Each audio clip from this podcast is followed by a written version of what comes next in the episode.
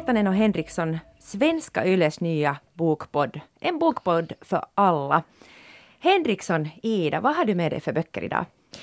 Jag har med mig två böcker. En handlar om våldtäkt och en annan handlar om upphetsning. Vilken ska vi börja med? Vi tar våldtäkt och så sparar vi på våra upphetsningsböcker till senare för att det kan Ja. bli lite pinsamt. Vi har alltså båda tagit med en bok som, som gör oss upphetsade. Det här är i den finlandssvenska läsutmaningens anda som ju startar i februari med ett nytt tema och då är tema något som gör dig upphetsad. Delta i den här med hashtaggen FISV läsutmaningen 2017. Men vi börjar med Roxane Gay i vilt tillstånd, som vi, en bok som vi båda har läst. Um, Anne Hietanen, vad skulle du säga om I vilt tillstånd? För Hur, hur ska man förklara den? Roxane Gay säger väl ganska mycket hon skrev Bad Feminist och efter det, alla, efter det så vet vi vem hon är. Alltså en feminist som, som sa att du får vara feminist på vilket sätt som helst. Att i, det är inte så noga, du får vara det på ditt sätt. Och det, hon var väldigt befriande och det här slog igenom som en bomb. Och jag, jag tyckte hemskt mycket om hennes populärkulturella referenser och så här. Hon är ju doktor, tror jag, i två ämnen, men att hon är, hon är på vår nivå. Och, och, det, och det märks i den här, det här är alltså en skönlitterär roman, till skillnad från den här äh, essäsamlingen Bad Feminist. Äh, det märks i hennes sätt att skriva, tycker jag, att hon undervisar i text och, och, och på riktigt är en väldigt litterär människa. Och, och hon har den här intersektionaliteten, det intersektionella tänkandet. alltså att hennes feminism inkluderar olika sorters analys av maktstrukturer, både, inte bara liksom kön, utan också etnicitet, klass, äh, alla möjliga slags förtryck som, som tillsammans binds ihop och, och bildar den värld vi lever i. Och det här tycker jag att, att på något sätt är en genomgående tråd också i den här berättelsen, eller hon får det jättefint.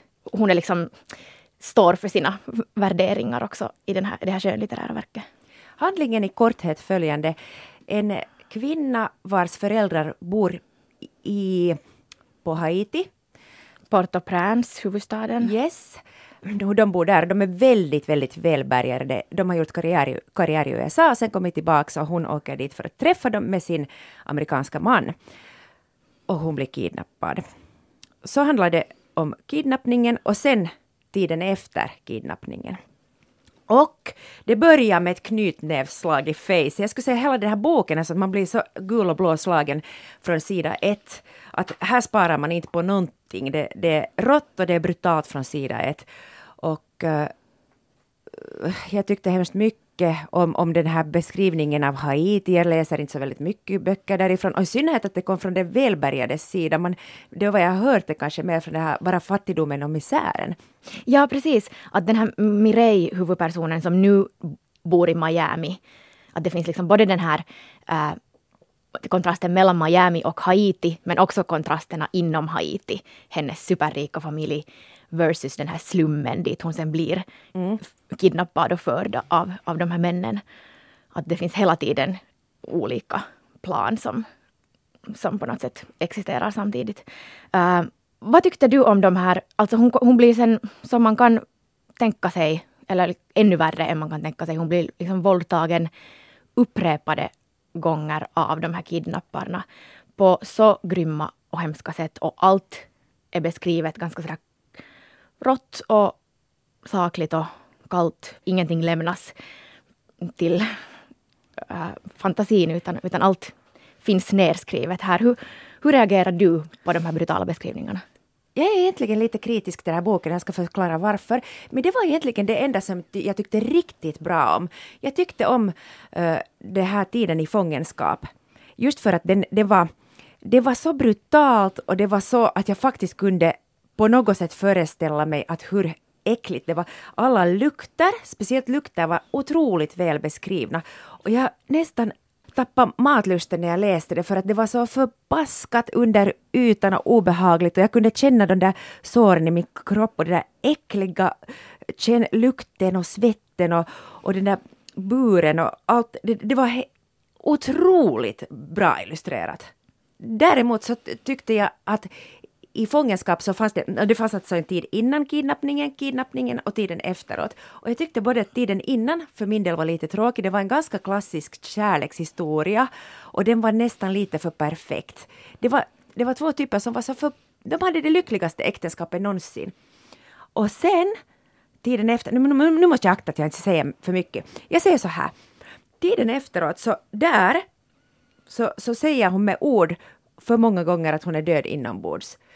Hon upprepade och upprepade och upprepade och det blir som en boxningsmatch där man alltid kommer med samma jabb eller vad det heter i boxningsmatch. Det är bara pum, pum, pum, pum, att det kommer ingen variation. Och där tänker jag show don't tell, så som du gjorde i fångenskapen. Ah, jag förstår. Okej. Okay. Ja, visa alla situationer där du på riktigt är död inombords istället för att säga det hundra gånger. Jag förstår.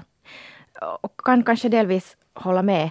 Jag tycker igen att det här kanske ändå är styrkan i den här romanen. Att, att den tar inte slut efter att hon blir frisläppt utan tvärtom, det är då det där riktigt hemska börjar. Och att det är tjatigt. Och det är samma sak varje morgon en kamp att hur ska hon orka leva.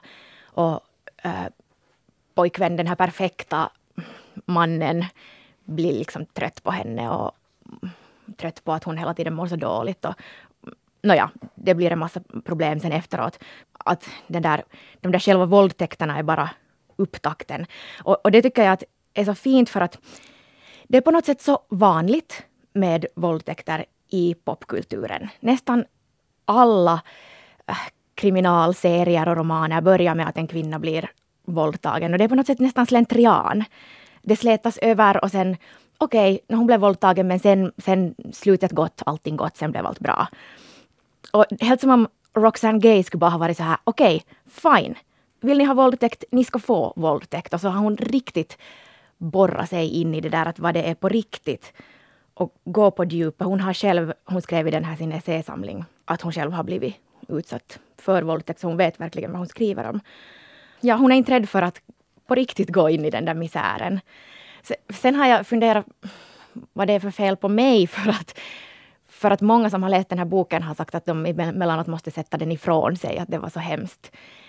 Men jag upplevde inte alls det så, tvärtom. Jag var ganska, blev ganska fast och var på något sätt intresserad att hela tiden läsa mera och, och gick på något sätt med i det där. Att jag, jag tyckte att det var fängslande just för att hon vågade gå så djupt. Men är jag på något sätt känslokall när jag inte börjar spy av det här? Nej, men alltså den har ju fått äh, kritik just för att man tycker att de är för utdragna, de här våldtäktsscenerna, och att det är för mycket att hon nästan gottar sig i det här våldet. Och, och där håller jag inte med. Nej. men då är vi båda känslokalla i så fall. Men jag tycker att för, där ser man verkligen tydligt syftet, varför hon gör det. Och det, var, det förklarar du så bra just. Nej, jag, jag, kan inte säga att det är för mycket. Men mitt problem är alltså, det, det jag tyckte att det här fångenskapet var lysande. Men mitt problem är att jag har svårt med den här tiden efteråt. Kanske det är för att den är för verklighetstrogen och för att jag utmattas av den här upprepningen sen, sen så tror jag också att, att jag borde ha läst den på engelska. Jag ser nu att du har också läst den på svenska, men den här översättningen är inte bra. Den gör att dialogen känns eh, ibland lite överspänd och, och, teatralisk och ibland är den helt för banal. Och, och sen, uh, det här kanske är smaksak, men de kallar varandra för baby. Nej men hur mår du nu baby? Och jag, jag skulle ha satt det kanske som älskling. Och det blev så på något sätt att jag hoppade alltid ut ur texten när det kom det där baby. Men, men sen på tal om baby, äh, tycker jag det som också var fint var hennes, hon har alltså just fått, de har en, en lit, ett litet barn när Mireille blir kidnappad. Ett barn som hon fortfarande ammar. Och det kanske bästa i den här boken var, var liksom beskrivningen av hur hennes bröstmjölk sinar under den där fångenskapen. Eh, och hur smärtsamt det är och hela den symboliken.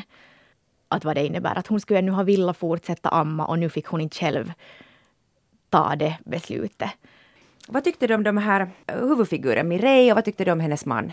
No, lite som du redan sa, jag håller med dig att det var nästan för klichéartat. Eh, den här Prince Charming, den här perfekta amerikanska mannen med blont hår och supersnygg och han är sån här lugn och och balanserar upp henne och hon är då den här mörka äh, temperamentsfulla, lite mystiska kvinnan som har svårt att släppa någon nära. Det var kanske ganska sådär romantisk komedi-ingredienser till och med i deras förhållande. Sen var det roligt att hon, äh, när, när hon, Mireille, träffar sen sin mans, eller, eller hänger hos sin mans föräldrar, som bor någonstans på landet. Den dynamiken tyckte jag ganska mycket om. Mm. Och att det i alla karaktärer, utom kanske mannen, sker en utveckling. Vet du vad jag saknar? Okej, okay, jag hatar när man alltid säger att vad som fattas från en bok. ingen författare har en plikt att skriva allt i en bok. Men för min del skulle det ha gett mycket mera till, tillfört mycket mer om jag också skulle få se det ur kidnapparnas synvinkel. Tänk dig att du är i Haiti. Du har ingenting. Du har absolut ingenting. Och så finns det sådana här extremt rika miljardörer som sitter och, och, och, du ser dem åka förbi sina svarta bilar med sina vakter. Och de, de har så mycket pengar och de skulle kunna rädda en hel by med sina pengar. Att, att tänka sig då att du kidnappar någon, att den är kanske i fångenskap vanligtvis två dagar, att det är inte så mycket av dens liv eh, uh, jämfört med vilket, eh, vad du har gått igenom. Saknar du mer av kidnapparnas sida? No, eventuellt. Men på något sätt tyckte jag nog att man fick den här, eller att Mireille själv kunde analysera de där klassklyftorna ganska väl. Att hon var ju jättemedveten om sin position. Mm. Så det var ju ändå hennes berättelse. Får jag säga en detalj? Det här är ju så hemskt. Det här beskriver just hur, hur det där en ytlig en människa kan vara ibland. Men det som jag kommer att komma ihåg längst det här att hon, den där kvinnan beskrivs hela tiden som hur smal hon är. Hon är väldigt, väldigt snygg och väldigt, väldigt smal. Sen blir hon för smal. Och då står det att efter 13 dagar då, när hon inte har riktigt ätit så då är kläderna så, så stora att de skulle tillhöra en dubbelt större person. Och om jag skulle vara 13 dagar utan mat så det enda som skulle synas är att jag kanske har piko lite mindre huvud. Sånt här funderar jag på. Mm. Sen är den här ju jättefin den här själva fysiska boken, den här pärmen, den är så här ljusröd. Och, och de här sidorna, så här, hur ska man beskriva, vad heter den här tekniken? Det är inte batik, men det är som man gör med vattenfärg och droppar på papper och så rinner det ut i här väldigt vackra mönster. Ja, alltså den är så vacker så jag vill bara hela tiden ha den i min hand. Jag började just kolla att men vi har samma mönster på våra pärmar, det har vi nog. Jag trodde nästan att det var individuellt gjort just för mig. Vem ska vi ge den här åt? Kanske sådana som konsumerar mycket popkultur där just där, där våldtäkter är så vanliga. Att okej, okay, så här är det kanske om man tittar på det lite mer på djupet. Och jag skulle sätta det här fängelsebiblioteken i våldtäktsavdelningen. Ja, vad bra. Mm. Nu hoppar vi till något helt annat. Eller Just hur? Det. Just det, för uh, Finlandssvenska läsutmaningen fortsätter på sociala medier. Uh, där vi i januari läste en gul bok. Men nu när februariskiftet närmar sig så är den nya utmaningen att uh, läsa en bok som gör dig upphetsad?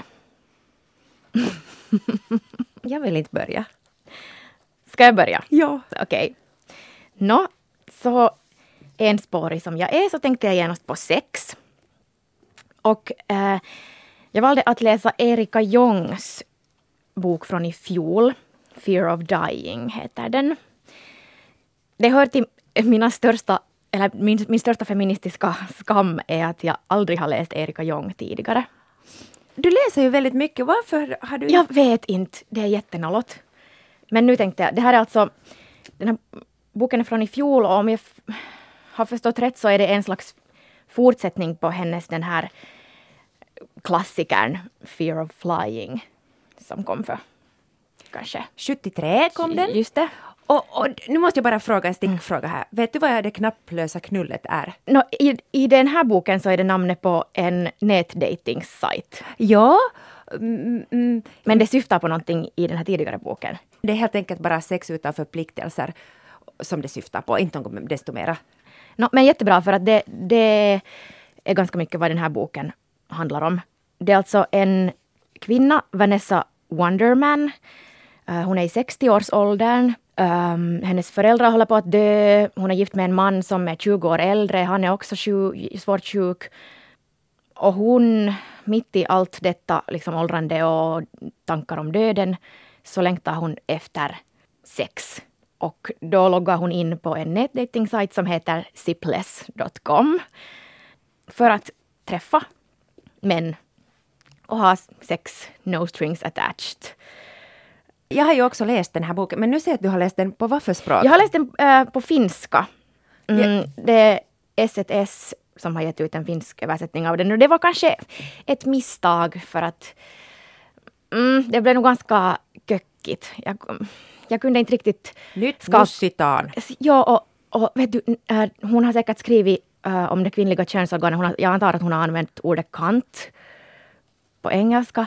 Men när det översätts till vittu, Ah. äh, minun vittuni oli märkä. Vet du, det, åh, det, det blir så oerotiskt och hårt och klumpigt. Ja, jag kunde inte riktigt skaka loss den här känslan av översättning. Men ja, det är ju ljuvligt tycker jag när man skriver om äldre människors sexualitet. Och jag tycker det var jätte, jätteintressant hur hon på något sätt ändå är så barnslig i sin längtan. Trots sina 60 år. Att, att det har inte förändrats alls. Eller, och också ganska osäker. Och hon träffar en massa konstiga gubbar där på den där nätdejtingsajten. Och, och det där att hur död och sex hela tiden gick hand i hand genom den här storyn. Det är väldigt intressant. Jag kan inte sätta fingret på att varför de är så nära släkt. Freud hade ju det här thanatos och libido, dödsdriften och, och sexlusten, eller livsviljan. Ja. Som att det är de där två stora som vi har och det, är vårt, det här sitter i det, vårt innersta jag, vårt äkta jag också, mest djuriska förstås. Och eftersom de kommer från samma ställe så går de ju hand i hand men på ett väldigt an, mer sublimt sätt än det att man skulle känna sig upphetsad på en begravning. Att det, det, det är något annat än det, men jag kan inte sätta, vad är det exakt? Men hör du, nu, nu, ö, du tog med den här till en bok, en bok som gör dig upphetsad. Tyckt, kan, du, kan du utveckla? No, jag tänkte just det här att, att äldre, en äldre kvinnas sexualitet, att, att det måste ju vara super, att det är superupphetsande liksom hur man kan ehm, äga sin egen att kanske sen äntligen kan man som kvinna äga sin egen sexualitet. Eh, och delvis leverera Jong, men delvis inte. Jag måste nog säga att jag är kanske lite besviken. De, de, de där sexskildringarna var faktiskt ganska klumpiga. Och antagligen är det meningen också. Att jag, jag kan inte säga att jag blev upphetsad av dem. För hon blev, blev inte heller. Nej, det var mest misslyckat. allt. Ja. Mm. Men sen tänker jag också på liksom hur kvinnor, till och- också äldre kvinnor, att vi, vi skriver om hur det är att vara kvinna. Och man hela tiden utforskar det där. Och det kan också göra mig lite slut och trött. Gamla gubbar skriver ju aldrig om hur det är att vara man. De skriver om hur det är att vara människa. Att, att hela tiden liksom framhäva det där att okej, det här är den kvinnliga upplevelsen och det här är mm, det, är lite, så- det känns lite sådär gammaldags särartsfeminism på något sätt. Att, att för att kvinnor är så fundamentalt annorlunda än män så, så finns det någonting så specifikt i den där kvinnliga upplevelsen. Och delvis så gör det ju det, men, men jag blir lite trött på att ah, kan inte kvinnor också bara, kan inte det vara allmänmänskligt? Och, att det, no, dess, och dessutom också att det här, den här boken utspelar sig i en sån överklass konstnärsmiljö i New York, där, där de flyger med privatplan och äger fem lägenheter på Manhattan. Och, och, och det här liksom är en självklarhet, att det finns liksom inget klassperspektiv. Nu kan inte jag ta fasta på den där feminismpointen som du hade, att, att, men, men jag tar fasta på det här överklass och Manhattan. Jag fick jättestarka Woody Allen-vibbar av boken. På, på, det, på det bästa av sätt. Och med det menar jag den här pladdrigheten i boken. Som jag delvis gillar och delvis förhöll mig lite skeptisk till. Den är, den är väldigt pratig, pladdrig, tjattrig. Och för mig blev det till slut som att jag, det kändes som att jag satt på kaffe med en, en väninna som jag nog beundrar lite faktiskt. Men det var inte, det här är inte ett mästerverk och det behöver kanske inte vara det heller, men det, det, det, var, det var en kompis. Det är sant, det är inte ett mästerverk och det behöver det inte vara heller. Jag kunde inte låta bli att, att jämföra den med Siri Hustvedts Den lysande världen. som hon skrev för några år sedan. För att det på något sätt är lite samma tema, samma... eh, Det utspelar sig på samma ställen i konst, konstkretsarna i New York. En äldre kvinna som gör upp med sin egen kvinnlighet och sitt eget aktörskap. Och i den jämförelsen, det var en jätteorättvis jämförelse för att den var så lysande, verkligen den här lysande världen. Titta, jag fick gåshud när du sa den lysande världen, för den boken var något alldeles otroligt fin och den var, den var ju också akademisk, men inte högflytande ändå. Det är just det, att oh. den hade alla de här nivåerna och den var, den var både alldaglig och vanlig men ändå hade den liksom ett sånt otroligt djup och en sån analys av allt. Medan den här, den här är mycket lättare. Och inte vet jag, det, det är nog orättvist att göra den jämförelsen. Men, men, det, men det finns ändå några likheter jo. också i, i, i liksom tematiken. Och, Ja, men e, e, Erika Jong, hon är nog en otroligt viktig figur för, för feminismen. Och eh, då när hon kom 73 med sin bok, så det var ju en sån skandal att en kvinna kunde ha sex på här och där och på alla olika sätt. Och, och, nu är det ju en självklar... Nej, det är det inte om man tänker på vad vi pratade om förra gången. Men jag menar... Ja, och, och hon, hon är ju en produkt av sin tids feminism, så på något sätt är det helt förståeligt att den här, ja, en del av de här sakerna kanske kan kännas som självklarheter idag och man kan vara av olika åsikter om, om liksom hur relevant eller om det här är det bästa sättet att att liksom diskutera om, om jämställdhet, just den här liksom särartsfeminismen. Men absolut tycker jag att hon har mycket att ge också år 2017. När kom den här? 2015. Så absolut tycker jag att hon är relevant. Kan vi göra så här som hemläxa åt oss båda? Jag har läst den här Fear of Flying, kanske när jag var tio år. Jag får alltid in på vuxenavdelningen och, och läste och jag förstod ju ingenting. Så vad om vi skulle båda ha hemläxa att år 2017 läsa den på nytt? Ja, eller för första gången för mig. Det, det är jag med på. Har den åldrats med värdighet eller, eller är det bara en produkt av sitt Det blir roligt. Hej, men en rolig sak. Hon har skrivit in sig själv i den här boken. För att den här huvudpersonen Vanessas kompis Isadora, mm -hmm. heter hon så? Ja. Uh, är en författare som har skrivit boken Fear of Flying. Det tycker jag är ganska roligt. Isadora Wing är med i kanske fyra, fem av hennes böcker och kommer alltid som, här är hon ju bara en bifigur, men det är jätteroligt att hon är med. Så bra. Det blir hemskt roligt att träffa då Isadora Wing ordentligt i, i Fear of Flying. Så, men tänk hur roligt att hon på något sätt citerar sig själv och lyfter upp sitt eget författarskap också i sin roman. Det tycker jag är tufft. Hon har ju jättemycket humor. Visste du att på hennes hemsida så har hon en avdelning som innehåller bara dåliga recensioner hon har fått. Ljuvligt! Kan vi också sen skapa en sån för oss? Nej. ja, en sak måste jag ännu säga som jag är lite besviken på Erika Jong. Det här slutet, jag ska inte, jag ska inte avslöja hur det slutar, men men det var nog jättebanalt. Okej, okay, jag säger det här. De åker till Indien för att hitta sig själva. Där föll jag nog helt. jag, jag hade förträngt det där slutet helt och hållet. Oj, oj, oj, oj. Nej, nej. Det, det blev parodi. Men nåja, okej. Okay. Vi går vidare. Vad har du blivit upphetsad av, Anne? Jag har inte med den här boken för jag slängde iväg den för den var så ful att jag kunde inte ha den. Jag måste bara slänga bort den genast. Så jag har inte med den nu men, men det där, om den här boken har Lina Dunham sagt Ingen roman har tidigare talat så här starkt till min sexualitet. Mm, bra Aha. ord. Nåja, men i och för sig, det här är hennes bästis, eller en av hennes mycket goda vänner som har skrivit den här boken, Miranda Julie. Eh, hon är skådespelare också, är känd från en film från 2005. Det heter Me and you and everyone we know. Och sen kom hon ut med en novellsamling som upp, ö, översattes till, till 28 språk och den hette Ingen hör hemma här mer än du. Det var en novellsamling. Och nu kommer debutromanen The First Bad Man. Den heter samma på engelska och på svenska och jag har läst den på svenska i pocketformat som den finns. Och det var pocketformatet som var så billigt och taffligt att, att det var helt fruktansvärt. Berättelsen handlar om en 43-årig kvinna som bor ensam hemma. Hon har ett lite speciellt jobb. Jag vet inte exakt vad hon gör. Hon har två chefer och sen har hon en kollega som hon älskar. Hon tror att hon och den här kollegan som hon knappt har pratat med, att de har varit älskande i tidigare liv, i många tidigare liv och det här vet hon. Och sen har hon ett annat problem, eh, att hon har en klump i halsen alltid.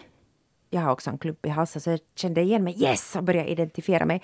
Sen så började det hända saker och eh, ganska snabbt in i handlingen så flyttar en av hennes chefers barn hem till henne.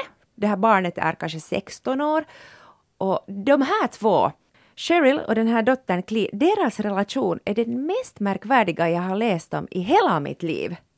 Alltså jag har aldrig läst om ett förhållande som är så märkligt. Och det, Vad är det som gör det så speciellt? De har någon form av hat mellan varandra. De har mycket kommunikation, som de, de, de, den är inte verbal utan det sker med kroppar och kroppsvätskor och allt möjligt underligt. Och sen har de någon form av sexuell lek som går ut på att de låtsas att de misshandlar varandra. Och de här människorna är så spännande och så annorlunda att jag vet inte vad jag ska säga. Jag läste den här i en solstol på ett lyxigt ställe och plötsligt blev mitt liv, jag gick så in i den här boken och mitt liv blev så smutsigt och snuskigt och sjaskigt att jag kunde inte läsa mera. För att jag gick så in i den här boken, först hade jag identifierat mig med den här kvinnan, men sen är hon så sjuk och störd att jag blev livrädd att om jag tar åt mig för mycket influenser och så blir jag likadan. Så stark var den här boken. Okej, så, men, men allt är liksom någon slags sexuell lek? Eller? Väldigt mycket handlar om sex och det, det är också så här inte, inte så vackert sex. Och det, det, ja, och lusten att bli älskad förstås. Mycket här är nog bara som är, som är effektsökeri tycker jag. Det är lite i och för sig det är roligt att läsa om en kvinna som inte följer några regler överhuvudtaget. Alla hennes tankar är helt besinningslösa, de är helt vansinniga. Och jag tyckte att det var så spännande att uh, den här boken tilltalar till Lena Dunhams sexualitet. Alltså jag tyckte att det var väldigt modigt sagt att hen, av henne, för det säger väldigt mycket om henne om hon säger det. Och jag läste på Bokhora-bloggen uh, någon som skrev att det här är en utmärkt eh, um, bokcirkelsbok. För att då, om du vill känna dina bokcirkelsmedlemmar, om du inte vill känna dem så ta en för guds skull inte med den här boken, för den avslöjar för mycket om läsaren. Det där är jättebra tips, nu alla som har en bokcirkel. Hur mycket vill ni veta om era kompisar? Uh, men hon, de är alltså kompisar med, med Lina Dunham. För när jag tänker att Lina kanske har lite det här samma, kanske inte lika långt, hon drar inte lika långt, men, men i sin serie Girls så leker hon ju mycket också med det här att äh, sex, hur, hur hon kan porträttera sex på ett sätt som inte alltid är snyggt utan det där lite skammiga och äh, sjaskiga och svettiga och fula. Speciellt leker hon med sin egen kropp. Och, det, det, du har helt rätt, det är exakt samma sak. Bara att de det, kommer från samma ställe på något Exakt, det är som samma lilla cirkel. Och, och det här sägs också, båda får ibland det här stämpeln att de är quirky. Säger man så på engelska? Ja. Och det, hur, hur ska man översätta det? Att de är liksom lite udda och annorlunda, quirky. Um, det är nu positiv klang där kanske, men att de avskyr den där stämpeln och båda får den alltid på sig. Och att det hör till den här indiefilmsklicken i New York, att de håller på med sånt här, att man är liksom lite opar. Har hon månne också gått den här samma skolan som Lina Dunham i Oberlin? Hör du? Uh, vet du vad, hon är ju konstnär, men månne inte. Vi säger att de har blivit kompisar där. Jag, jag vet. Jag har varit där på den där skolan och sett några deras sådana uh, performanser och de är alla sådana att där är, det, där är det norm att ju konstigare och mera liksom underground jotton du gör, dest, eller att alla, alla är sådana och riktigt gör liksom galna grejer och det finns inte en enda norm, normal människa utan alla går omkring halvnakna eller i pyjamasbyxor och äh, just gör performanser med kroppsvätskor och det är ett ljuvligt ställe. Ja, de gör, jag vet inte hur de motiverar det här, men de, de gör det bara för att man ska göra det, verkar det som lite för en oinsatt. Att jag ser inte alltid kanske meningen i det där. Men sen måste jag berätta att, att det finns en jättestor skillnad mellan Lena Dunham och den här Miranda Julie. Alltså, äh, Lena Dunham är ändå mera sådär, lite mera mainstream, lite mera, mera sådär med hjärta, man vet att hon landar på en trygg plats ändå på något sätt, att hon knyter ihop säcken. Miranda Julie far iväg åt, alltså det, det landar någonstans som inte ens du kan fantisera och sen när du hör det så tänker du what? Att det finns ingen logik och reson och jag älskar ju det där burleska, så alltid när jag har läst om hennes filmer och böcker eller novellsamlingen och den här boken så visste jag innan att det här kommer jag älska, jag älskar burleskt. Allt som är burleskt älskar jag. Och sen så gjorde jag ändå inte. Jag började fundera att, att den här genren skulle kunna heta ångestburlesk. Medan Lena Dunham mera gör kanske sån glad burlesk eller tankeväckande burlesk, men det här är ångestburlesk. Varifrån kommer den där ångesten? Okej, okay, det är intressant. Varifrån kommer den? Det är klart att det är skickligt att beskriva den så här starkt, men det är ovisshet, meningslöshet, alltings randomness. Så, så det gör att den är där. Så den här boken gjorde mig väldigt illamående. Samtidigt var det, gjorde den ett väldigt, väldigt starkt intryck. Tyvärr kommer jag inte att glömma den. Okej, men skulle du rekommendera den åt någon? No, men vet du så här, varenda en bok jag läser så tänker jag att vem kan jag ge den här åt? Vem blir glad? Den här slängde jag iväg. Och ändå var den inte på något sätt dålig. Det var en liksom, väldigt intressant Kanske det kom för nära på något Ja, sätt. det kom för nära. Du har rätt. Jag skulle, jo, nu vet jag! Jag skulle ge den här till någon som jag själv tycker att är lite väl normal. Just det. Vilket, nej men kan vi hitta ett bättre ord än normal, men någon som jag tycker att är lite väl sansad, lite väl ingenjörsaktig. Och så skulle jag säga, läs den här, se vad du tycker. Kanske hen skulle förstå den mycket bättre än vad jag gjorde. No, men hur gick det med den här upphetsningen? Alltså jag skulle aldrig erkänna om jag skulle ha blivit upphetsad av något i den här boken, för det var så motbjudande alltihop. Ja. Vad ljuvligt med sådana böcker som är riktigt där på gränsen. Tänk att den där novellsamlingen som var kanske stundvis ännu värre blev en sån grym succé. Jag, sålt, jag läste olika siffror, men jag tror det är över 30 miljoner. Är det här liksom en lite mera äh, finkulturell version av 50 shades of Grey? Nej, bra fråga. Men på tal om det så vill jag prata om en spaning som jag tror att blir, blir snackisen för no, kanske inte hela året, men hela våren åtminstone, på tal om 50 shades of Grey. Så det är erotikern på Bergmansgatan som kommer ut på förlaget på våren och det är alltså en man som hette Krogius som skrev snusk helt enkelt. Från morgon till kväll skrev han snusk, snusk, snusk, snusk. Och nu långt efter hans död så ger man ut den här texten och jag tror att släktingarna eh, alla inte tycker att det här var det bästa. Och jag tror att man kommer att prata om det här. Jag tror att man kommer att uh, prata mycket om, för att de lär ska vara alltså inte så bra de här texterna. Jag tror att man kommer att prata mycket om det. Det blir erotikvåren nu i svensk Finland. Det ser vi fram emot. Och fortsätt gärna tagga era böcker i finlandssvenska läsutmaningen på sociala medier. Hashtaggen är alltså FISV läsutmaningen. FISV läsutmaningen. Läsutmaningen.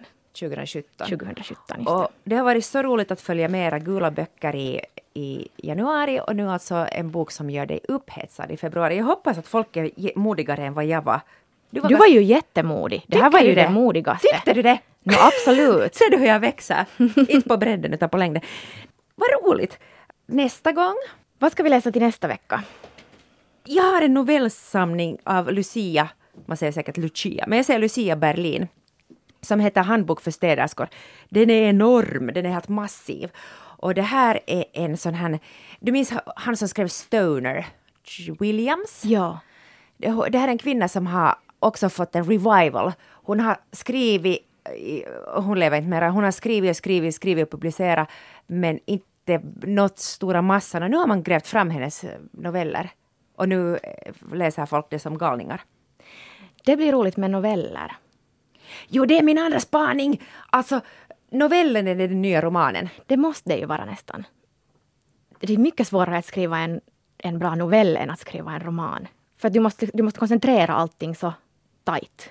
Ja, och på novellerna ställer man ofta mycket högre krav. Och, och, alltså början, handling och slut, medan en roman kan komma undan med att, att vara helt utan handling. Sanning. Och sen måste novellen också vara sådär på något sätt djup på ett annat sätt än en roman kan flyta omkring ganska mycket. Jag tar tillbaka vad jag sa just nu kan en novell också vara bara inre skeenden, men det, det, måste ha ett djup. Man måste veta varför läste jag den här novellen. Jag tänker läsa en, en jätterolig bok av en finsk debutförfattare. Du måste ge mig någonting. Vad ska jag längta efter? Vet du, jag skulle vilja Irene prata om den nu. Jag är så där otålig. Det är inte alls roligt när det här tar slut. den heter Rakkauden Hirviö. Den heter Rakkauden Hirviö. Och den, den handlar om att känna att man inte hör hemma i en svettig småstad. Det är liksom en, uh, jag hatar när man säger uppväxtskildring för det låter så tråkigt men den här är allt annat än tråkig. Småstad, det, det kittlar alltid min fantasi. Verkligen. Där händer också snuskiga saker. Jag vill prata om den nu. Nej, vi pratar om det nästa vecka. Mm. Vi kommer att lägga upp alla de här böckerna som vi har läst på svenska.yle.fi om det var någonting ni missade. Och om någon tycker att vi har helt fel analys av de här böckerna så, eller tycker att vi är bra eller vad som helst så får ni jättegärna mejla oss på anne.hietanen.yle.fi och ida.henriksson.yle.fi. Och vi tar också jättegärna emot tips på böcker ni skulle vilja att vi skulle snacka om. Kanske vi kan läsa någonting tillsammans med er lyssnare. Ja, eller vara ställföreträdande läsare. Så att inte du behöver. Exakt. Tack för att ni har lyssnat på Hietanen och Henriksson, Svenska Yles nya bokpodd. Producent för det här programmet är Kia Svetihin. Vi hörs igen nästa vecka. Hej då! Hej då!